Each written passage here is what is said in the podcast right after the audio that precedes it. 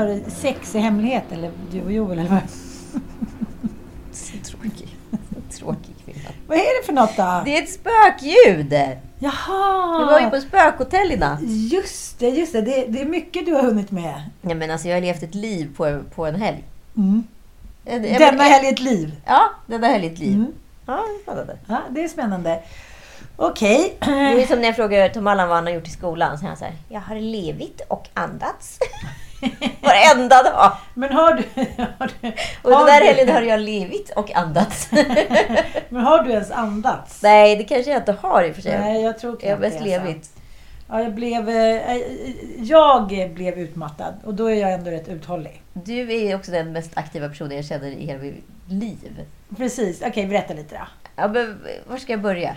You went to London! Jag frågade om ni skulle komma på middag. Du säger nej jag ska till London. Som att det vore så här, jaha, ja ja, vi ses då i Säffle typ. Fast det går ju för sig snabbare att åka till London än till Säffle. Så, exakt Ja, så ja. är det ju. Ja, men grejen är, så fort man så här ska åka utomlands så blir det alltid ett projekt av det. Och nu när restriktionerna har släppt i UK så är det ju liksom rätt lätt att resa in igen. Man fyller bara i den här UK Border Formen. Liksom. Eh, och boka något dag två-test som ingen gör. Eh, och de kommer ju försvinna helt nästa vecka. Jaha, de, de håller inte längre koll på om man tar det här bokad dag två-testet? Nej, men hur ska de göra det? Nej, jag fattar. Jag Det är fattar. bara liksom formalia. Du ska Mm. fylla i någon kod och sådär från någon så köptest och så är det ingen som så ens kollar om du har gjort det. Liksom.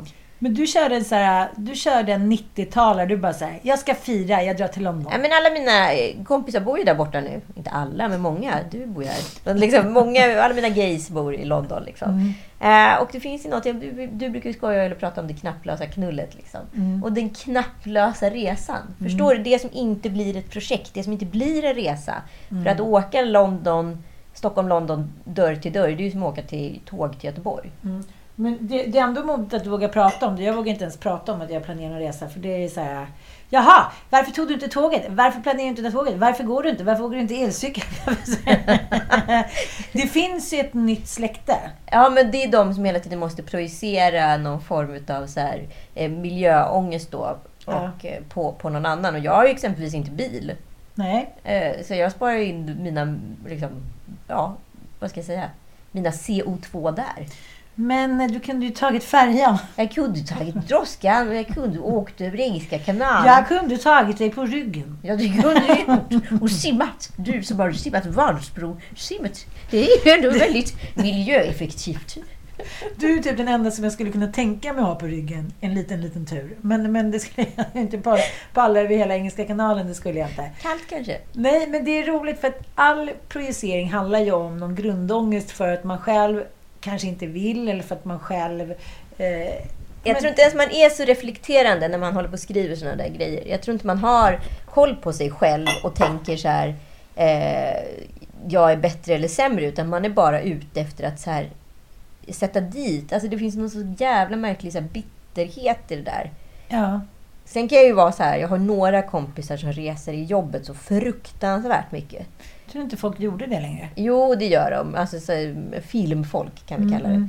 Eh, och liksom sen så då när de då ändå ska åka på någon, någon semester och så bara de har, lever ju den här typen av lyxliv. Så de, är som, nej men de har ju aldrig liksom sin eh, hemadress som sin adress. Det är mer som en stor garderob. Som de liksom packar mellan Mm. Ja, olika resor. fattar. Så det är så här, vi ses i Verbier på fredag! Alltså så Mm. är det ju. Och så åker alla dit. Och sen så åker de då hem då för att jobba fast de inte är hemma för då flyger de till typ Rom eller Tokyo eller Paris eller vad det nu är. Och sen så sticker de ändå iväg på helgen. Jag tänker att man blir så fuckad när man är ute och reser så mycket som man liksom inte kan landa. Nej, att man inte kan finna någon, någon ro hemma. Ja, Ja, men den kan man ju faktiskt känna igen när man har rest mycket eller varit iväg och jobbat mycket. Då är det så här, ingenting, är- ingenstans är hemma på något sätt. det är svårt att orientera Ja, sig. Du, ja. jag kan ju se att du kan hamna där. Ja, Som har verkligen så här, ja men du har varit borta rätt länge och sen så, så kommer du hem så checkar du ändå in på hotell i Stockholm det första du gör. Ja som du. Precis som jag! Men jag tänkte på det så himla mycket när du åkte iväg och så nu när jag har varit hos oss sen, eh, jag och Frans var ju där en vecka, att vissa människor tror jag rent genetiskt och också på grund av att vi flyttade mycket som små, så man har liksom i blodet. Så jag googlade lite på det om så här, jag, jag googlade på resor och så här. Jag, jag tycker att det är lite svårt just nu. Jag är så himla sugen på att åka till Thailand med mina små barn. För att eh, ja, men vi hade ju klippkort i Thailand, och Mexiko och USA med, med de stora killarna. Och jag pratade med Ossian om det. Han sa att jag känner ju att jag jag tror att jag på det sättet har fått äventyret i blodet. Mm. Det, det är inget svårt för mig att så byta miljö eller land. Sen kan jag verkligen längta hem så att jag är inte så här “Wherever I lay my hat, I want to stay there forever”. Utan han är ju väldigt så här, traditionell. Men då läste jag någon så forskning som eh, ja, men, gjorde gällande att så här, barn som får vara med på resor och, och se andra kulturer blir både mer kreativa, bättre i skolan och får någon äventyrlig känsla och en annan inställning till livet såklart. Ja, men såklart. Men samtidigt så, så tycker jag så här... Men det är ju också väldigt talande för Joel då reste inte speciellt mycket när han var liten. Och så här, han, har ju, han är ju också så rätt hämmad i... Alltså det är inte, för honom är resa det är ett rätt stort projekt. Mm, liksom. Det är någonting som man så måste angripa. Ja. Liksom. Det, ska ta, det ska planeras och det ska ta mycket tid. Och det är lite ångestframkallande också. Ja, men det blir måste lite liksom ångestframkallande. det. Nej, men så för mig är ju resa, jag har ju rest otroligt mycket liksom, i mitt liv och också i jobb och så. Så att så här, ja men nu den här veckan ska jag liksom... Den här veckan ska jag till Norge och Danmark och filma liksom. Ska du? Mm. Nej men då, så, så, det, det blir liksom... Jag ska till Åre. Ja, du ska till Åre. Och du skulle också nu, vänta, vad var det du skulle göra? Du ska bestiga... Mount Everest. Mm. Det slänger du in på en liten kvart. Ja, men jag är Du ska inte bestiga Mount Everest. Vad är det? Kebnekaise! Ja. Ja. jag bara berg Du som och berg. Renata Klumska, du bara ja, ja, whatever. Men, men det är väl inte så, alltså, så högt? Är det, väl inte. det är väl inte så här, det svåraste berget? Ja, jag fick ju alltså en Kebnekaise-bestigning utav Joel. Just det, vad hände med den? I det blev. Örebro. Nej men alltså jag bara så här, vet du, du har hälsporre och jag har problem med mina hälsenor. Menar du att vi ska gå upp eh, och jag kommer göra slut med dig på vägen upp och då ska vi ändå behöva traska hela vägen upp för att sen gå ner. Men jag tror man kan kana sig ner på något sätt. Mm. Kana! Som en liten rutschkana. Nej men så pratade jag med en kompis som hade bestigit eh, Kebnekaise som är ändå en väldigt tränad person. Ja. Och, och han sa att så här, det är riktigt fysiskt jättesvårt. Liksom. Och också med den här tunna luften och alltihopa. Men det är glatt tycker jag. Glatt! Vilken Vad- tur att jag ska vad- börja med, med min eh, bootcamp med Diflex idag då. Ja, men det, det blir perfekt. Kommer du med upp på Kebnekaise Högre kan vi inte nå When you're ready to pop the question, the last thing you want to do is second guess the ring. At Bluenile.com, you can design a one of a kind ring with the ease and convenience of shopping online. Choose your diamond and setting. When you find the one, you'll get it delivered right to your door. Go to Bluenile.com and use promo code LISTEN to get $50 off your purchase of $500 or more. That's code LISTEN at Bluenile.com for $50 off your purchase. Bluenile.com code LISTEN. Since 2013, Bombas has donated over 100 million socks, underwear, and t shirts to those facing homelessness. If we counted those on air, this ad would last over 1,157 days. But if we counted the time it takes to make a donation possible, it would take just a few clicks. Because every time you make a purchase, Bombas donates an item to someone who needs it. Go to bombas.com slash ACAST and use code ACAST for 20% off your first purchase. That's bombas.com slash ACAST, code ACAST. När det är klart vissa dagar underbart år Har långt man ser Det blir perfekt. Men tillbaka till spökhotellet i Gamla ja, stan. Ja, ja. Nej, det, det, dit har vi inte ens kommit älskling. För du har först varit i London och hälsat på den här Fag Hacks. Och hur var det? Alltså, du, du var såhär, nu ska vi in på någon memberklubb, nu ska vi... men Joel de- var inte med. Nej, jag var inte med. Nej, men de, de blir, alltså så här, det som är intressant med London är ju att det är ju en playground för miljardärer. Att bo i London som miljardär, det är ju som att vara en vanlis Jag fattar, jag fattar. för dem. Så att jag Mm. förstår ju att mycket miljardärer samlas, samlas i London för det är så många och då tar det liksom ut varandra på något sätt. Och Då så, behöver man inte känna sig eh, som att man måste bjuda. nej, men i, här, i Sverige är fortfarande så pass få miljardärer så alla vet vem Ja, som är absolut, miljardären. absolut. Ja, och så flockas en viss typ av klientel runt om. Och det blir väldigt mycket fjäsk och stress och oro och vad ska man ge för present och ska de betala hit och dit. Jag håller verkligen med. Det är väldigt svennebananaktigt när det är någon som man vet är miljardär Ja. på middagen. Nej men och det, det, hur ska man säga? Jo men vi, jag kommer till London, träffar upp eh, Love, alltså Redgert Koms killarna eh, och liksom, vi ses då på eh, Victoria Beckhams butik där det ska shoppas för en kund. Eh, och sen så vad heter det, går vi direkt till The Ivy i Chelsea och sen så kommer liksom en urgullig vad heter det, tjej som heter Malin dit med sin sambo. Och Malin då är gift med någon eh, härlig amerikan och lever liksom ett väldigt liksom ja, flamboyant liv kan man väl säga. Liksom så långt ifrån vårt. Och hennes man är liksom någon form av... Vårt hemske, tråkiga liv. Nej, men det är så roligt för det är så, det är de så vill- konstiga för att man säger det är not relatable situations. Förstår Nej, du? Så här, de pratar om saker som är vanligt men det är ändå så, här, så jävla långt ifrån där man själv lever. Och det är deras vardag. Liksom. Ja men han, har, han liksom flyger olika typ stridsplan och har tagit så här pilotcert och har någon egen liksom, ja men eh, vad heter det? kråka liksom, som han flyger runt i. Och, och då visar han så filmer från när han flyger den och typ landar på någon så här militärhangar. Man är så här, ja det är också en hobby. Ja, men han vill ändå visa. Jo men det är väl klart Ja, att han vill visa. Men det är väl inte så konstigt, han är ju skitstolt över det där. Men, Ja, det borde han vara. Ja, nej, men det blir ju så här, det är en hobby som kanske inte en annan person har. Hur som helst, de är hu- hur trevliga som helst. Och sen så ska vi gå förbi Annabelle som är någon sån member club som jag varit på ett par gånger. Det var jättehärlig. Och eh, sen ska vi då vidare på någon hemmafest.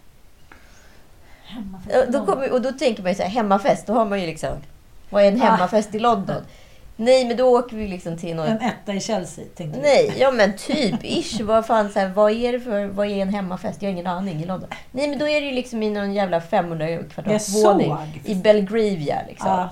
Eh, och då är det en snubbe som bor där som jag faktiskt har träffat förut. Eh, som bor där med sin nya tjej och liksom hans ex bor lite längre bort i något townhouse på 1500 kvadrat. Ja men du vet, det är bara så här låtsasliv och där inne står liksom massa låtsasmänniskor med väldigt, väldigt, väldigt mycket pengar. Mm. Och man blir så här... För det är ju inget motrevligt. Det är inget Nej, sånt. nej, men det är inte autentiskt. Det är inte så här, fan vad jag känner mig så här sedd och hörd. Nej, men jag blir så jävla obekväm i de där situationerna. Så det handlar ju mer om mig. De är ju svinbekväma liksom. Men de tänker ju inte på dig som en så sällsam liten fågel. Du är bara, de skiter ju i... Alltså de tänker att vi är alla lika, barn leka bäst. Det ligger bara hos dig själv. Ja, Ja. hundra procent! Och de är ju svintrevliga liksom. Och är jättegenerösa. Men det som är skillnaden med England jämfört med Sverige, om vi ska ta någonting som är så här... ja, Jag brukar sk- skoja om att så här, göteborgare är Sveriges norrmän för att de, är, de vågar prata om pengar och hur bra de har och sådär. Och norrmän är ju, vad heter det, Europas amerikaner. Ja, ja. Men här är ju också pengar liksom en valuta för vem du är. Så att det berättar lite om din, om du kan då berätta om din livsstil genom pengar. Mm. Det, betyder, det identifierar dig i den här skocken liksom på något sätt. Eh, så då, då pratar de pengar liksom på ett helt annat sätt än vad man är van med. Och jag är liksom såhär wow! Det är när någon säger något man är såhär wow, ah, okej. Eh, nej men, ja, men och sen var det någon kvinna där som hade liksom en diamantring på typ 16 kvadrat som jag sa. 16 Hon bara karat. gick omkring med den på en liten så här pall som hon drog med. Hon bara... Åh, åh. Ah, nej, men det var riktigt, riktigt, riktigt festligt. Och Men sen, och ska- sen åkte vi tillbaka till en annan member club och sen så åkte vi tillbaka till Elvas. Ja, men. Men sen såg jag typ att du satt på någon jävla tunnelbana in till Heathrow, typ så här 9.45. Då tänkte jag så här, "Skj- skjut henne bara. Skjut henne på plats och slipper hon lida Ja, den här du, dagen. du vet när man är sådär, Ja. när man är så bakfull så att det Ja. gör så ont bakom ögonen. Så tryck hårtons huvudvärk, jag förstått att det heter. Gör det? Ja, och det, alltså, du vet, det är som att skallen ska sprängas i tusen bitar och du vet inte hur du ska kunna stå upprätt 300 överhuvudtaget. Ipren senare, det var bara en överdos, men huvudvärken är fortfarande kvar. Ja, och sen så då kommer jag hem, landar, ligga typ på soffan i en timme för att sedan packa om och då sticka ner till Gamla sta- stan till ett spökhotell. Och det här hade jag ju bokat med min kompis Elin. Vem är din jag kompis bok- Elin? Men du har inte träffat henne tror jag? Det är någon ny kompis som jag inte känner till. Jag var med Elin förra året på Ellery och sådär. Och Elin och jag hänger då och då. Vem är den här hemliga? Det är din Molgan. Det är min Molgan! Elin finns inte. Gud Elin... vad roligt du är såhär, jag ska på hotell typ, så jag ska, bo, jag ska bo med Elin. Min hon är aldrig med på bild. Exakt. Ja. Nej, men, så då, ska vi, då hade jag ju bestämt här med Elin innan så jag kunde inte riktigt boka av. För jag fattar. London var ju det spontana. Jag vet, det där är ju problemet tycker jag. Att när man kör en spontanare så tänker man så här, men då pallar jag inte det. Men det ska ju inte hen straffas för. Nej, Nej. exakt. Det var ju bara, hon var så här, jag kommer inte acceptera att du ställer in. Jag bara, äh, nej, nej, jag har inte tänkt att ställa in. Men vi kanske kan ses klockan sex istället för fem. Eh, och sen så åkte vi ner till, jag var ju rätt sliten ska erkännas. Mm. Då åker vi ner till det här spökhotellet då som ska vara i Gamla stan. Och där ska det ju då spöka. Mm. Det ska vara någon obehaglig afrikansk voodoo-mask uppe på våning 5. Den var inte där.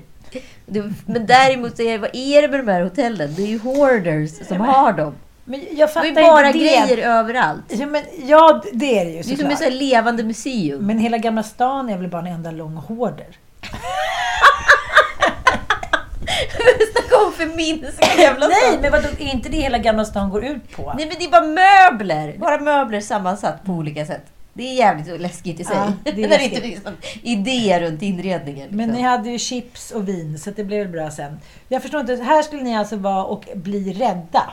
Här skulle vi då, så jag laddade ner en spökbarometer. Så bara, det finns en app. Och så får man bara stänga av, vad heter det, mobil, liksom, alltså man måste sätta på flygplansläge och så får man ta metall. Och då skulle vi då ha på den här och då uppleva om det kommer in spöken. För då ska man börja prata med dem. Det är tydligen det som är grejen. Eh, och det du hörde då, det var ju steg. Då, är det- då har Aha. plockat upp något ljud som inte Mhm. finns. Eh, Det är i och för sig lite det läskigt. var lite läskigt. Och sen gick vi runt då i Gamla stan med den här, vilket var spännande. För att på, eh, uppe vid Stortorget, du vet Stockholms blodbad, Ah, ah. där bara slog det liksom i taket. Mhm. Men sen var det liksom rätt lugnt runt omkring. Sen kom, sa de på, innan när vi var på hotellet och frågade så här, ja, men var spöken någonstans? Ja, men ner i trapphuset där och så på några ställen. Och just där så gick faktiskt spökbarometern upp. Wow! Ja. Du och jag är ju inte ensamma att tro på spöken, för var tredje människa i Sverige tror faktiskt på spöken. Jag tycker det är ganska fascinerande. Det låter lite som så här... Ja, men också att man, man erkänner det. det många sådana här, liksom, vad ska man säga, utomjordliga eh, bestyr, bestyrelser, det tycker folk är lite pinsamt att de tror på. Men spöken känns det så här, det är fortfarande lite kreddigt att tro på spöken känns det som. Är det för att vi... Ja, jag vet inte. Är det bara för att vi tycker att allting är så rationellt nu? Det finns tek- teknik, det finns Foodora. Man men vill ha liksom spökerier. Informationssamhällets baksmälla det är att vi måste tro på det som vi inte kan läsa oss till. Mm. Men det jag läste ju å andra sidan, när vi pratar om det, någonstans att så här, man anses vara en ointelligent människa ifall man tror på högre väsen. För det är tydligen ett drag för att vara ointelligent. Mm. då tänker jag så här, men det, så är det ju inte riktigt. Men det är så många människor som självvalt då väljer att vara ointelligenta och vara irrationella. För att Mm. spökeriet är ju någonting irrationellt. Samtidigt har jag varit med om upplevelser i mitt liv som jag kan inte så här, det är helt oförklarligt att så här, de grejerna har hänt. Ja, men jag med. Jag Ja, med. kommer inte du ihåg när vi var hemma hos eh, oss på middagen när vi bodde på Vallallavägen? Och Mattias telefon bara liksom, Just helt just plötsligt bara lämnar Just bokhyllan och liksom bara ramlar ner på golvet. Det Ja. fanns liksom ingenting där som kunde... Nej, den låg liksom långt in, längst in i en bokhylla. Det var ingen signal så här, alla 92 att de skakade kunde ramla ner. Det var så här, helt plötsligt så bara ser man telefonen så här. "Nej!" Ja. Men det är ju liksom en irrationell händelse i en rationell Kontext. kontext Ja. ja. Sen har jag varit med om när man liksom inte har sovit så bra, man är i en utsatt situation, när min mamma nyligen gått bort och så här. Då är det ju klart att man är mer Mottaglig. Ja, liksom. jag tycker de flesta som går till medier och rappakalja då inom citationstecken överlag, det är ju när man är inte mår så himla bra. Liksom. Men samtidigt så det där med telefonen var ju så här. Och din fantastiska historia med ballongen var ju inte heller någon, eh, någon eh, Nej, men det är, ju, det är ju liksom på riktigt det läskigaste jag varit med om. favorit i repris. Ni som har hört det ni har följt oss länge, ni, ni får eh, Ja, ni får stänga av er så får ni lyssna igen för det här är så spännande. Ja, men vi bodde i lägenhet, jag och Kalle och Penny. Tom Allan fanns inte än.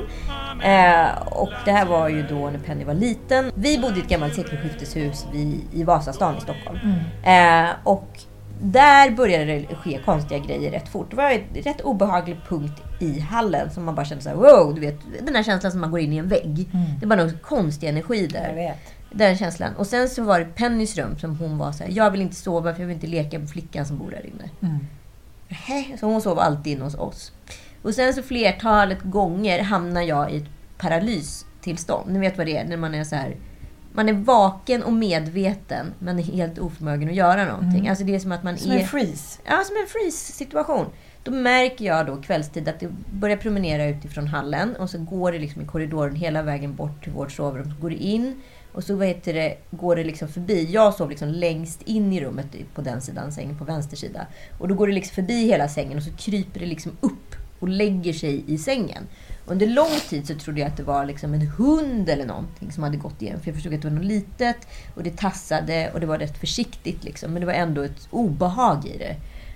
Um, men sen var det en jul som jag och Kalle satt i köket. Och vi, köket liksom ligger parallellt med vårt sovrum och det är den här korridoren som går utanför. Och sen är det badrum och sen kommer hallen. Då ser vi plötsligt hur en liten person springer förbi oss.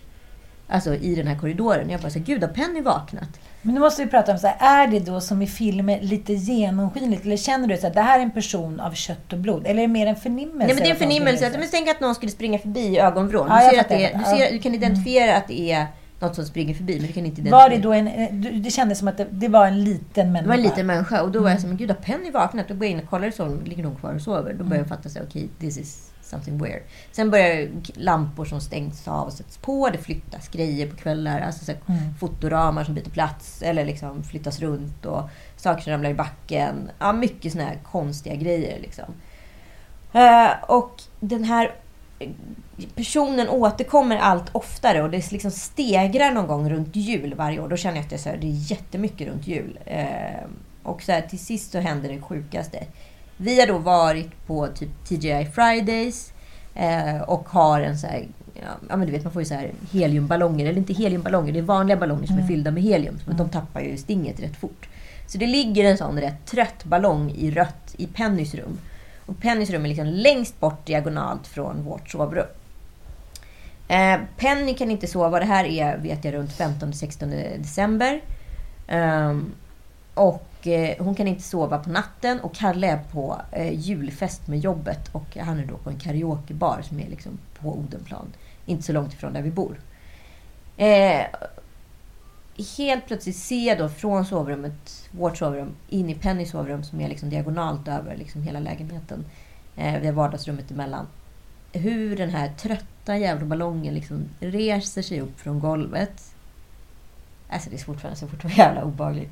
Och hamnar ungefär ja, men en, 1,50 centimeter ovanför marken. Far i en rak sträcka diagonalt över hela vardagsrummet. Åker förbi sängen precis på det där sättet som den här lilla människan eller djuret eller vad det har varit. Mm. Bort till liksom vänstra delen av sängen och in i sängen. Alltså som det är att det är någon som går med en ballong. Ja. Och Penny börjar då leka ta fatt med den här ballongen varav den då åker liksom upp i taket, åker runt. Den är väldigt kontrollerad. Den vet exakt var den ska ta vägen utan att hon når den. Alltså jag sitter ju bara alltså, i någon form av paralys och bara så stirrar. Jag får liksom inte... Till sist så börjar jag grina och sen så ringer jag Kalle och bara här, du måste komma hem! Och då kommer han hem. Då sticker ballongen upp i taknocken och det är ungefär, ja men det är sekelskifteslägenhet, så är vi runt fyra meter. Han kommer inte åt den, vi är rätt korta både han och jag. Eh, så, så här, Då blir det lite humor det blir lite humor i skräckhistorien. Till sist får han tag i den där och så mosar han typ ballongen. Liksom. Eh, det är liksom de sista sekvenserna där som jag lyckades få på film. För det här var ju liksom det äckligaste någonsin. Men då får jag hit en spökutredare i alla fall. Som är där och liksom en Ghostbuster basically. Mm, mm. Som är där och vi har någon så här seans och då berättade hon att det fanns en... Hon frågade om den här punkten i hallen, säger hon direkt. Jag pratar ju bara i telefon men jag har inte berättat någonting om förhistorien. Har du en punkt i hallen som är obehaglig? säger hon. Jag bara, ja absolut. Kan det vara så att det är en kakelugn där? Jag bara, nej det är det inte. Okej, men har du någon stenplatta eller någonting i hallen från en kakelugn? Jag bara, ja det är det faktiskt. Vart tar den vägen då? Jag bara, ja men den fortsätter in under väggen. Precis, för den här lägenheten har hängt ihop med den bredvid. Kan du kolla det? Jag bara, ja så ringer jag styrelsen och kollar. Så, ja men precis, de satt ihop förr i tiden. De har gjort två lägenheter av det. Då visar det sig då att det ska finnas en liten flicka som bor i huset som heter Astrid som är lung, har varit lungsjuk och hostat väldigt mycket. Så hon har blivit kvävd då utav sin brorsa under någon, i en kudde. Men föräldrarna fick aldrig reda på det där. Så de tror, de tror att hon har dött av sin ja, TBC eller någonting. Uh, och hon, Vänta, vänta. Hur får vad, vem berättar den här historien? Den här spökutredaren. Jaha, okej. Ja, Ja. men det, det finns någon som heter Astrid som har bott En där. liten flicka som heter Ja. Astrid. Ja, vi hittade i alla fall en familj som hade haft eh, barn i rätt ålder. Men jag vet inte om a- förnamnet var Astrid. Jag- Jag utredde aldrig det. Nej. Men det stämde i alla fall liksom tidsepoksmässigt och alltihopa. Eh, och det är då hon som ska ha spökat. Så vi gör någon jättekonstig seans runt den här kalla fläcken i hallen. Och så säger hon så här, nu har Astrid lämnat. Så här, men se till att ha salt i hörnen och sådär. Salt. När man ska sina salt, Just ska rena. just. Ja. Ja, och sen hade vi det och det blev faktiskt bra. Det slutade spöka, men vi var rätt så obehagade då. Mm, så vi valde att flytta. Men sen så är det ju så att vissa personer kan ju frambringa spöken. Jag hade själv rätt mycket sådana här upplevelser när jag var liten. Jag tror att det var Penny som var liksom rätt öppen Mm, mm, och tog med sig grejer. Så vi flyttade till en lägenhet på, eh, eh, på Vallalavägen. Och precis när vi flyttade in i början så säger de så här, jag vill inte leka med pojken som bor i min garderob. Ja, men inte nu igen bara. Du bara, Ge jag dig. orkar inte. Nej, men hon säger så här, och jag bara så här, "Ja, men vad heter han då? Han heter Stille. Jag bara, men sluta bara med det här. Sen kommer vi in i vårt nymålade sovrum. Då har- är det liksom som att någon har klottrat med så här överstrykningspenna på väggen. En stor fläck. En gånger en meter. Typ med så grön och gul överstrykningspenna. Huller om buller, som en stor fyrkant. Liksom, som man har klottrat i. Liksom, förstår du? Att det bara är så här... En hysterisk person som har ritat väldigt ilskt på ett papper. Liksom. Och jag bara så här, men Penny, det är inte sant! Så här, vad är det du har gjort? Liksom, nymålat. Hon bara, inte jag, det var stilla. Jag bara, men nu får du väl ge dig. Och Kalle och jag står och kollar på den här fläcken, så jag går in i målaren och bara så här, jag är så ledsen, det har hänt värsta olyckan. Du måste komma hit och eh, måla om. Och så går jag tillbaka in i sovrummet och är fläcken borta. Nej men gud! Nej men alltså, vi, vi, vi, både jag och Kalle är så här, håller vi på att bli galna? Vad är det som händer? freeze. Vad är det som händer? Jag bara, åh, är det sant? Och sen googlar jag Stille, bara för att jag var så här, vad fan, Stille det är ett rätt specifikt namn. Mm. Då visar det sig att han, han som har byggt Tessinparken, det området där vi bodde, han heter Albert Stille. Men, Vad är oddsen? men hon kanske har, nej. Vad är oddsen? Men jag tänker bara att hon har, nej hon kunde inte ens läsa då. Nej, hon är ju, hon är ju typ fyra år. Fyra eller fem. Gud. Ja, så, så jag har haft min... Och sen uppe i Gävle liksom förra julen. Spökade så mycket så att jag på... Och då var jag riktigt rädd. Och då var jag uppe själv och kollade på TV. Då spökade det så mycket i gamla delen av huset, där det är en spis. Där gick det en gumma fram och tillbaka, slamra, slamra, slamra med massa liksom, kastruller och grytor. Fram och tillbaka, tass, tass, tass, tass. Väldigt bestämt, men bara centrerat i den delen. Men jag var ändå så pass rädd för att jag skulle behöva gå upp på övervåningen och passera det där rummet. Liksom. Men jag tänker, den lägenheten ni bor i nu, det känns så här... Är, det finns inte liksom Nej. ett spöke så långt ögat kan nå. Joel, Nybyggt kände jag lite så här, det ska bli svårt att finna ett spöke i papier-maché-hem. Liksom. Ja men verkligen. Det måste ändå finnas någonting att ta av. Liksom. Ja, nej, men så, så här, då, och jag älskar ju sånt här och det gör ju även min kompis Elin. Men jag är fortfarande fruktansvärt rädd för vissa saker. Eftersom jag tycker, jag tycker de här upplevelserna var rätt obehagliga faktiskt. Ja, men det är klart. Men det är som du säger, så här, vissa är emottagliga och vissa kanske inte. Men eh, ja, det är ändå intressant att... Eh, det är ju spännande att det finns en annan dimension. Så är det ju bara. Ja, jag. men sen blir det ju också så här töntigt för när man då försöker provocera fram det, då händer det ju aldrig. Nej, Utan aldrig. det är ju liksom, som det här spökhotellet, händer ju ingenting. Det var ju bara att det var läskiga dockor överallt.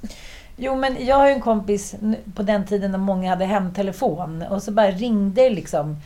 Det ringde vid samma tidpunkt varje kväll i några dagar. Eh, och sen så tog hon upp luren och ingen som svarade. Så visade det att hennes farmor hade legat död. Och dött då liksom. Eh, ja, men ungefär vid den tidpunkten måste hon ha dött. Ja. Så det är så här, men gud nu får jag sån ris igen. Då är det så som att hon har ringt då från andra sidan. Förstår du vad jag Ja. menar? Och så här, jag ligger död. kommunicera, liksom. Mm. Och sen så när de liksom bröts in, och så här, eller bröts in, när de gick in och sen så fick hon... Då, ringde det inte mer. Liksom. Så det var de två dagarna. Typ. Ja, nej, men jag kommer ihåg efter min pappa hade dött ett år efter ungefär. Då traskades det runt lite här ute och rotades i papper och grejer. Jag hade pappas dokument här hemma. Liksom. Som var väl Han ville gömma ja, undan. Jag för ville väl kolla läget Ja. liksom. Men det bara kändes verkligen inte Läskigt. läskigt. Liksom. Det var så uppenbart isolerat till hans död på något sätt. Liksom. Mm. Eh, men han ville nog bara kolla att så här, allt var i ordning. Mm. Liksom.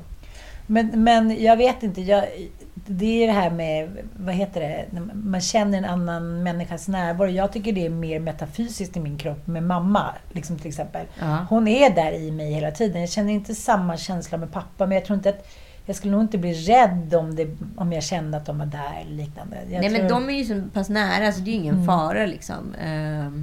När jag var med i det här eh, kändisprogrammet En, en natt på Ah. slottet, där vi fick hänga med ett medium, då kontaktade min kompis Ram mig från andra sidan.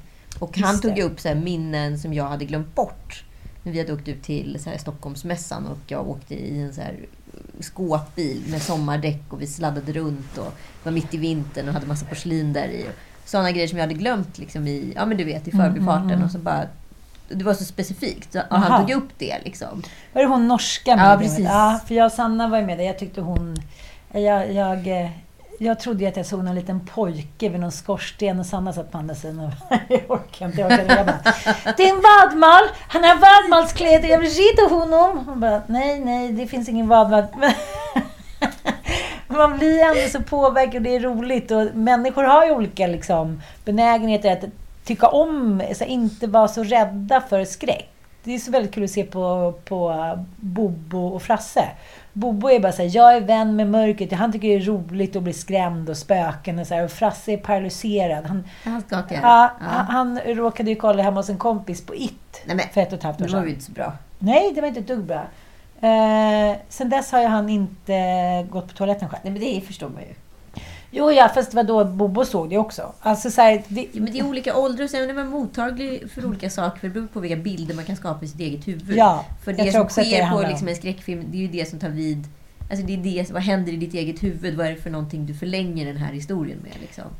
Jag tror att det handlar om en liksom rationalitet också. Frasse har mycket mer fantasi, precis som jag. Och Bobo är mer som Mattias. Det är, så här, det är farfar som är tomten. Man bara säger nej nu är du två år och du ser inte det. Så här, Hej farfar! Man bara, okej. Men hos Frasse är så här, undrar vem det var. Typ. Han, jag tror att det handlar lite om att man vill också. Man vill att det ska finnas jag jag tror att det handlar om hur man ser bilder i hjärnan. Vissa människor ser ju kreativitet. Jag ser bilder först och Ja. andra ser ord först. Liksom. Jag tror att Frankadollen är en sån. Men nu börjar jag så jävla trött på att säga Jag är bajsnödig! Jag är bajsnödig! Han vill liksom inte gå på toa själv. Nej. Det är så roligt för att jag tycker att så här, det här hemmet är rätt ohotfullt. Liksom. Men ändå så märker jag när så här, Tom Allan ibland då kommer in här på nätterna, hur, man hör hur han liksom tar sats och springer hela vägen från sitt rum som är då en och en halv, två meter Ja. från vårt rum. Ett Hopp, hopp Ja, men exakt. Ja. Men du vet, man, kan, man känner igen den känslan från sin egen barndom att man kunde springa in och så hoppade man i sängen och så stoppade man in sängen och typ stoppade in täcket Mm, under sig bara för att så här, ingenting ska få komma in och liksom skapade de här bilderna i mitt huvud Mm. liksom, av vad, vad det var för abstrakt hot där Mm. ute. Liksom. Och jag kommer ihåg att jag hade ett jättestort rum när vi bodde i Jönköping. Eh, då ville jag väl alltid ha det rummet som min syrra hade, för det låg vägg i vägg med mammas och pappas rum. Jag var tvungen att gå igenom mammas och pappas rum. Ja. Det var inte alltid jättekul. Man bara, jaha, där ligger ni. Okej, jag bara går in i rummet igen. Men jag kommer ihåg att varje kväll så låg jag och tänkte så här, varför ska jag ligga i det här stora jävla rummet, i det här gamla huset och titta på den här garderoben och tänka att där är det någonting. Varför ska, varför ska barn liksom bo i egna rum? Jag tyckte det var så otroligt korkad uppfinning. ja, jag håller med. Mm. Jag håller med. Ja, eh, nog om det. Hiring for your small business? If you're not looking for professionals on LinkedIn, you're looking in the wrong place. That's like looking for your car keys in a fish tank. LinkedIn helps you hire professionals you can't find anywhere else, even those who aren't actively searching for a new job but might be open to the perfect role. In a given month, over 70% of LinkedIn users don't even visit other leading job sites. So start looking in the right place. With LinkedIn, you can hire professionals like a professional. Post your free job on linkedin.com/people slash people today. Everyone knows therapy is great for solving problems, but getting therapy has its own problems too, like finding the right therapist, fitting into their schedule, and of course, the cost. Well, BetterHelp can solve those problems. It's totally online and built around your schedule. It's surprisingly affordable too. Connect with a credentialed therapist by phone, video, or online chat, all from the comfort of your home. Visit betterhelp.com to learn more and save 10% on your first month. That's BetterHelp, H E L P. Ja, men mycket har ju hänt. Om vi nu går till andra spöken, höll jag på att säga. Ja, eh, Vilket ska vi börja med? Mellospöket? Teknikbuggen? Nej, men alltså, förlåt. Det, jag förstår att det är svårt när så här, tre miljoner människor ska gå in på en app. Och jag förstår att liksom SVT vill hänga med. Men ska vi lyssna lite på vad som hände för den här stackars programledaren Oscar Sia, eh, som vi alla älskar, eh, när den här appen kraschade då. Ja, supernöjd. Eh, det här är ju en del av min arbetsbeskrivning. eh, Typ, jag ska jobba så här och eh, min uppgift är att fixa när det går fel. Eh, så mentalt var jag förberedd på det. Det var ju en del tekniska problem både med appen och bilderna och sådär. Hur, ja, jag behöver inte förklara det för dig men förklara för den som kanske har missat. Ja. Men hur, hur gick tankarna för dig under programmet? Eh, men det går väl lite så. Det är typ som att försöka klura ut ett mattetest eh, på prov eh, i femman. Man sitter så här. Ja, okej, okay, och sen fattar man. Ja, jag vet inte hur jag ska läsa det, så jag får väl hitta på något. Eh, ungefär så kändes det. Och, eh, men det var också väldigt kul. Eh, men jag, jag kände absolut att det var så. Jaha, då är det alla som tittar på mig nu och så får vi väl se vad han hittar på. Eh, så jag, ja, jag hade jättekul. Det är ju fem program kvar. Ja, eh, han fick ju kämpa på. Men jag tycker det är så lustigt med SVT att de eh, har jobbat med en app i ett års tid och sen när det inte funkar då, då vet de inte varför. Nej, det är märkligt. Men så kan det vara på Ja. SVT.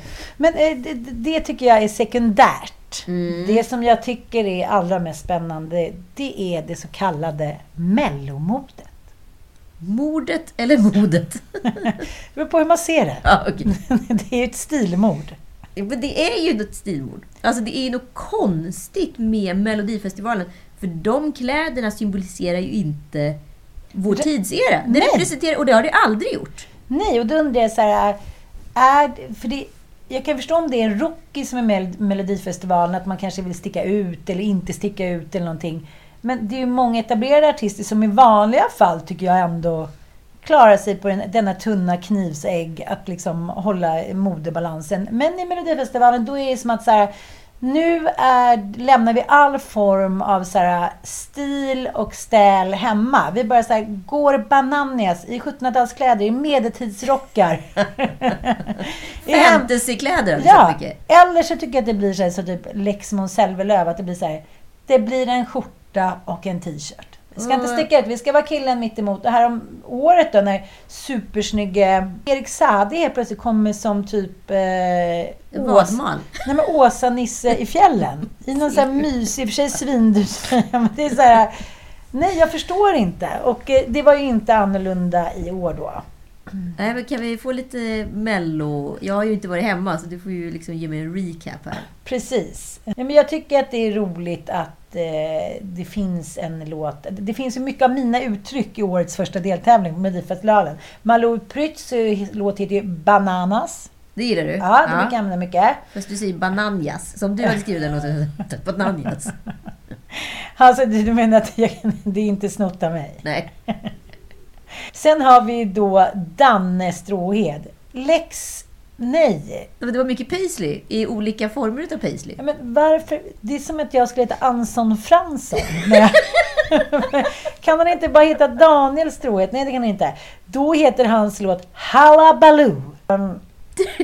Och då är så här, först ska vi berätta lite om Danne Stråhed som beskrivs som en folkkär artist från Skåne som varit aktiv sedan mitten av 70-talet. och haft Men det är flera- ingen som vet vem Danne får. Vad heter han nu då? haft- Danne Stråhed. Det är ingen som vet vem Danne Stråhede är. Alltså det har ju varit liksom så här, var någonstans ska man hitta en folkkärare person? Och ska du lämna 2000 folkkärare personer? Ja, men- Det är inte så polare med typ Hasse Kvinna Böske Andersson.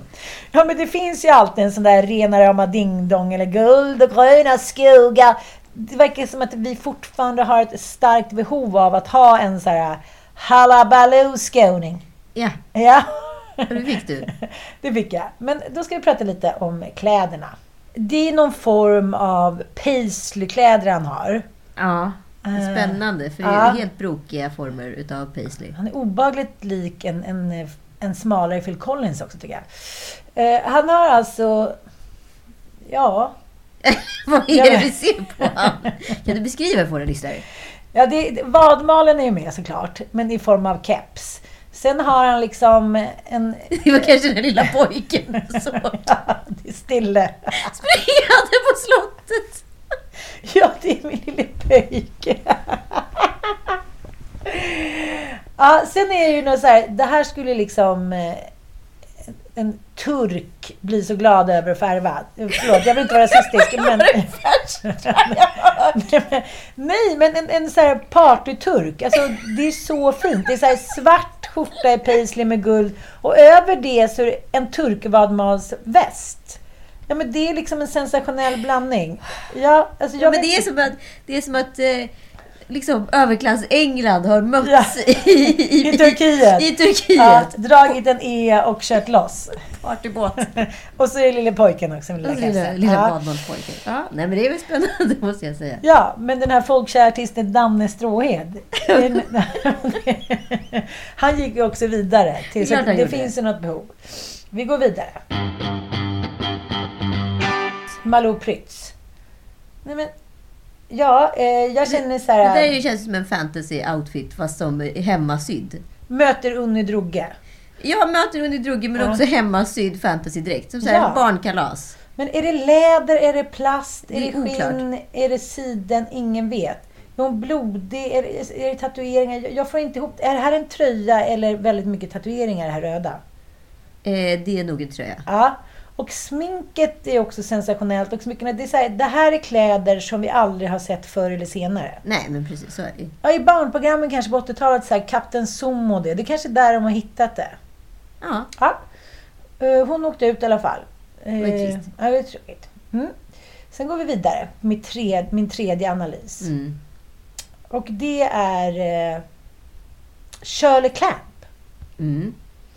Jag måste ändå ge henne, hon är snygg i håret och det känns som att Ja men det känns också som så här, det här är en fyllekväll med tantalorerna. Och de är så här, vore det inte kul om du har liksom som någon superhjältinna?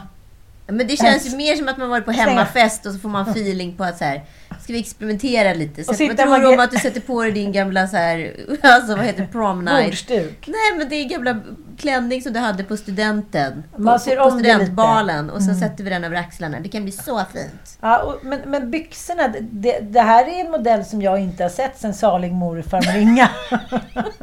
Nej, men jag säger det med kärlek, för det kanske är det. Man ska känna som, det är lite lånat, det är lite gammalt, det är lite glittrigt, det är lite nytt liksom. Jag vet. Jag har förstått det, som jag har förstått det så har de ju, får de ju liksom bekosta sina egna mellonummer. Så har du liksom har du mycket pengar, då kan du ju liksom fläska på en Erik Saade och bygga en egen studio och liksom göra en jätteavancerad danssekvens. Men har du inte riktigt lika mycket pengar, då kanske det blir lite nytt. Jag- Lånat och ihopsnott. Ja.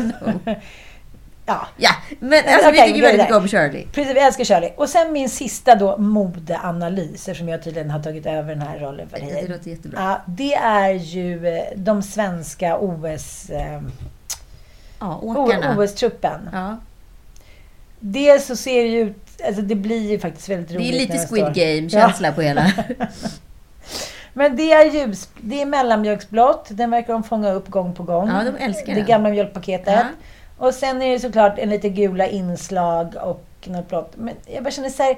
Det här skulle väl kunna funka om... Men formen.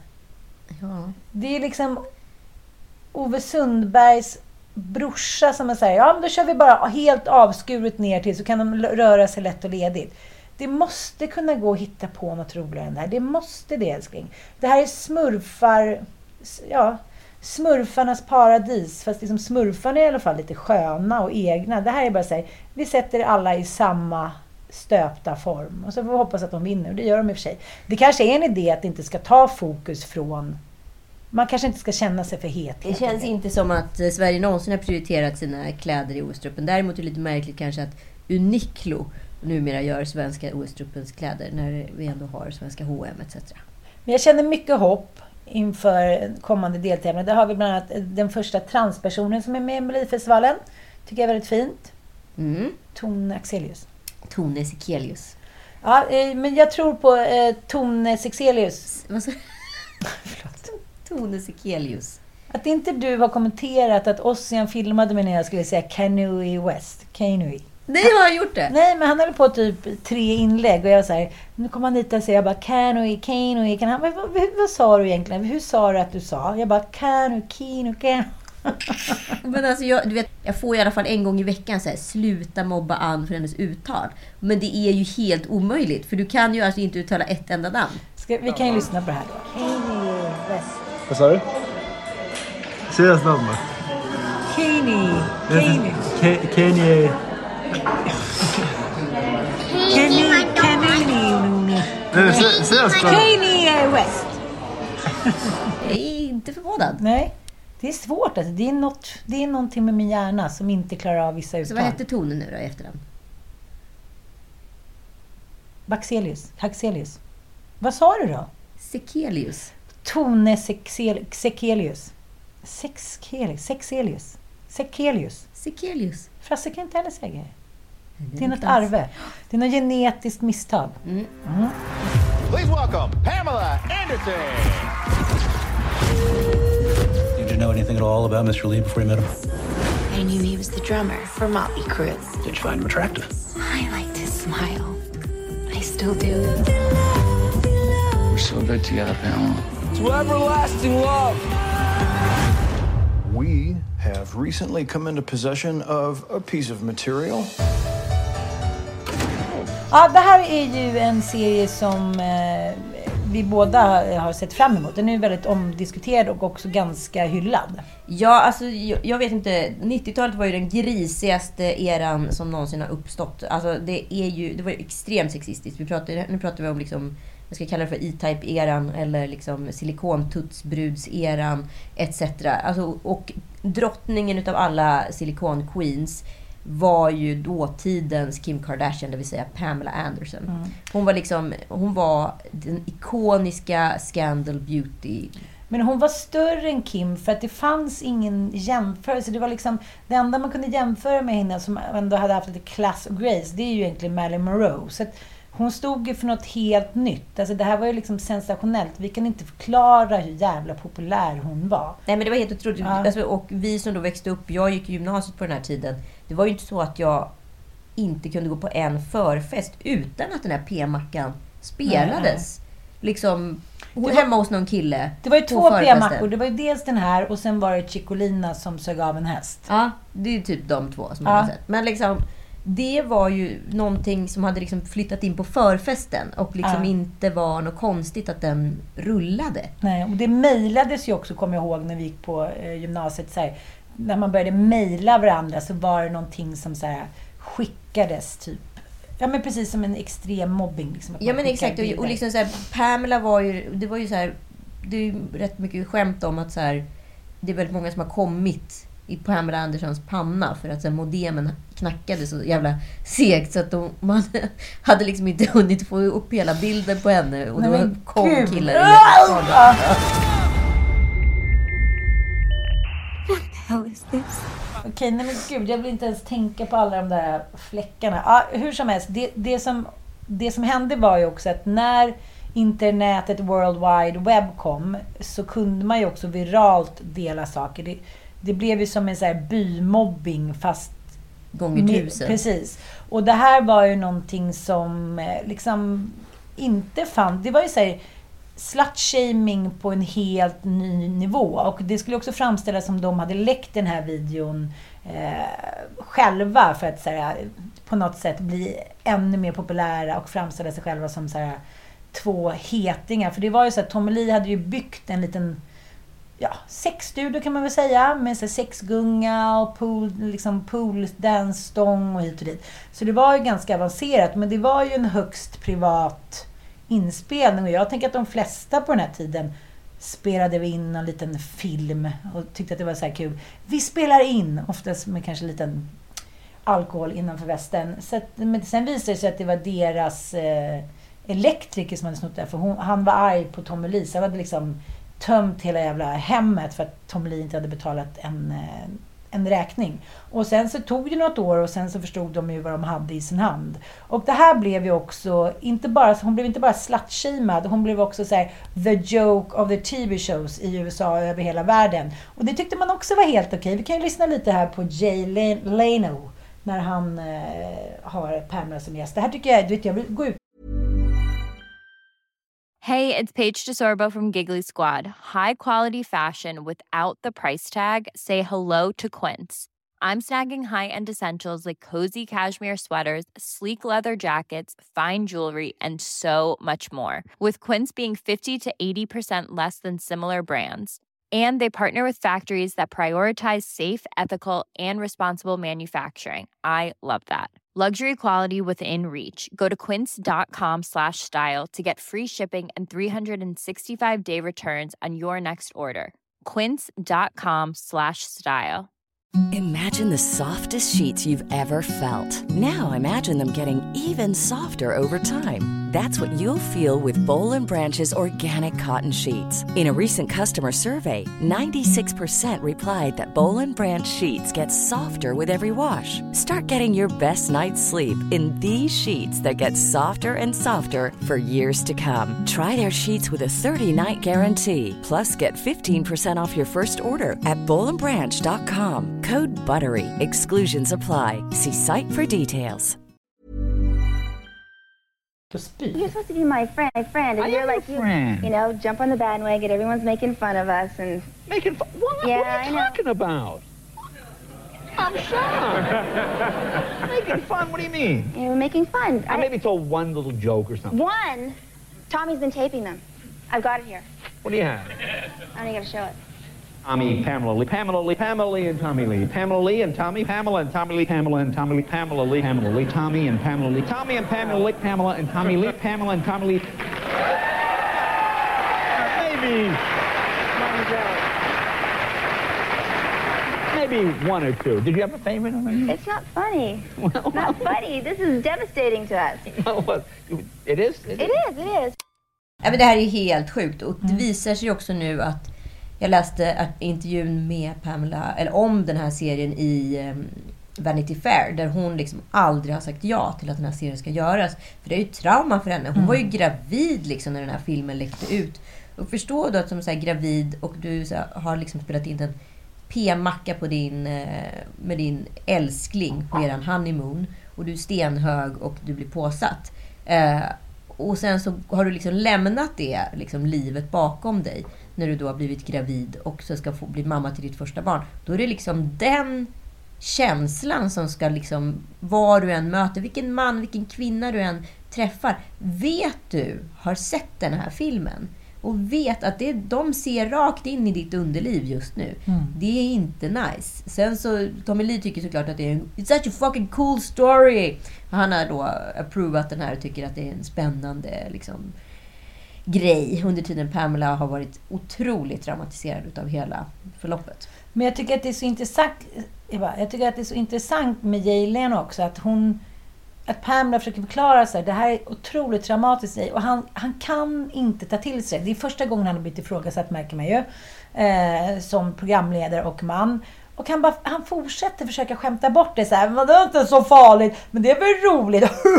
Han kan liksom inte, inte sexismskämta. Och han kan inte ta att hon inte är kåt, glad och tacksam. Nej.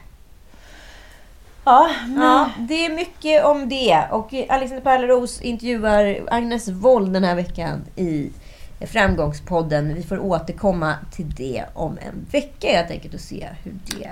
Allra sist på bollen. Ja, ja. kanske man kan göra.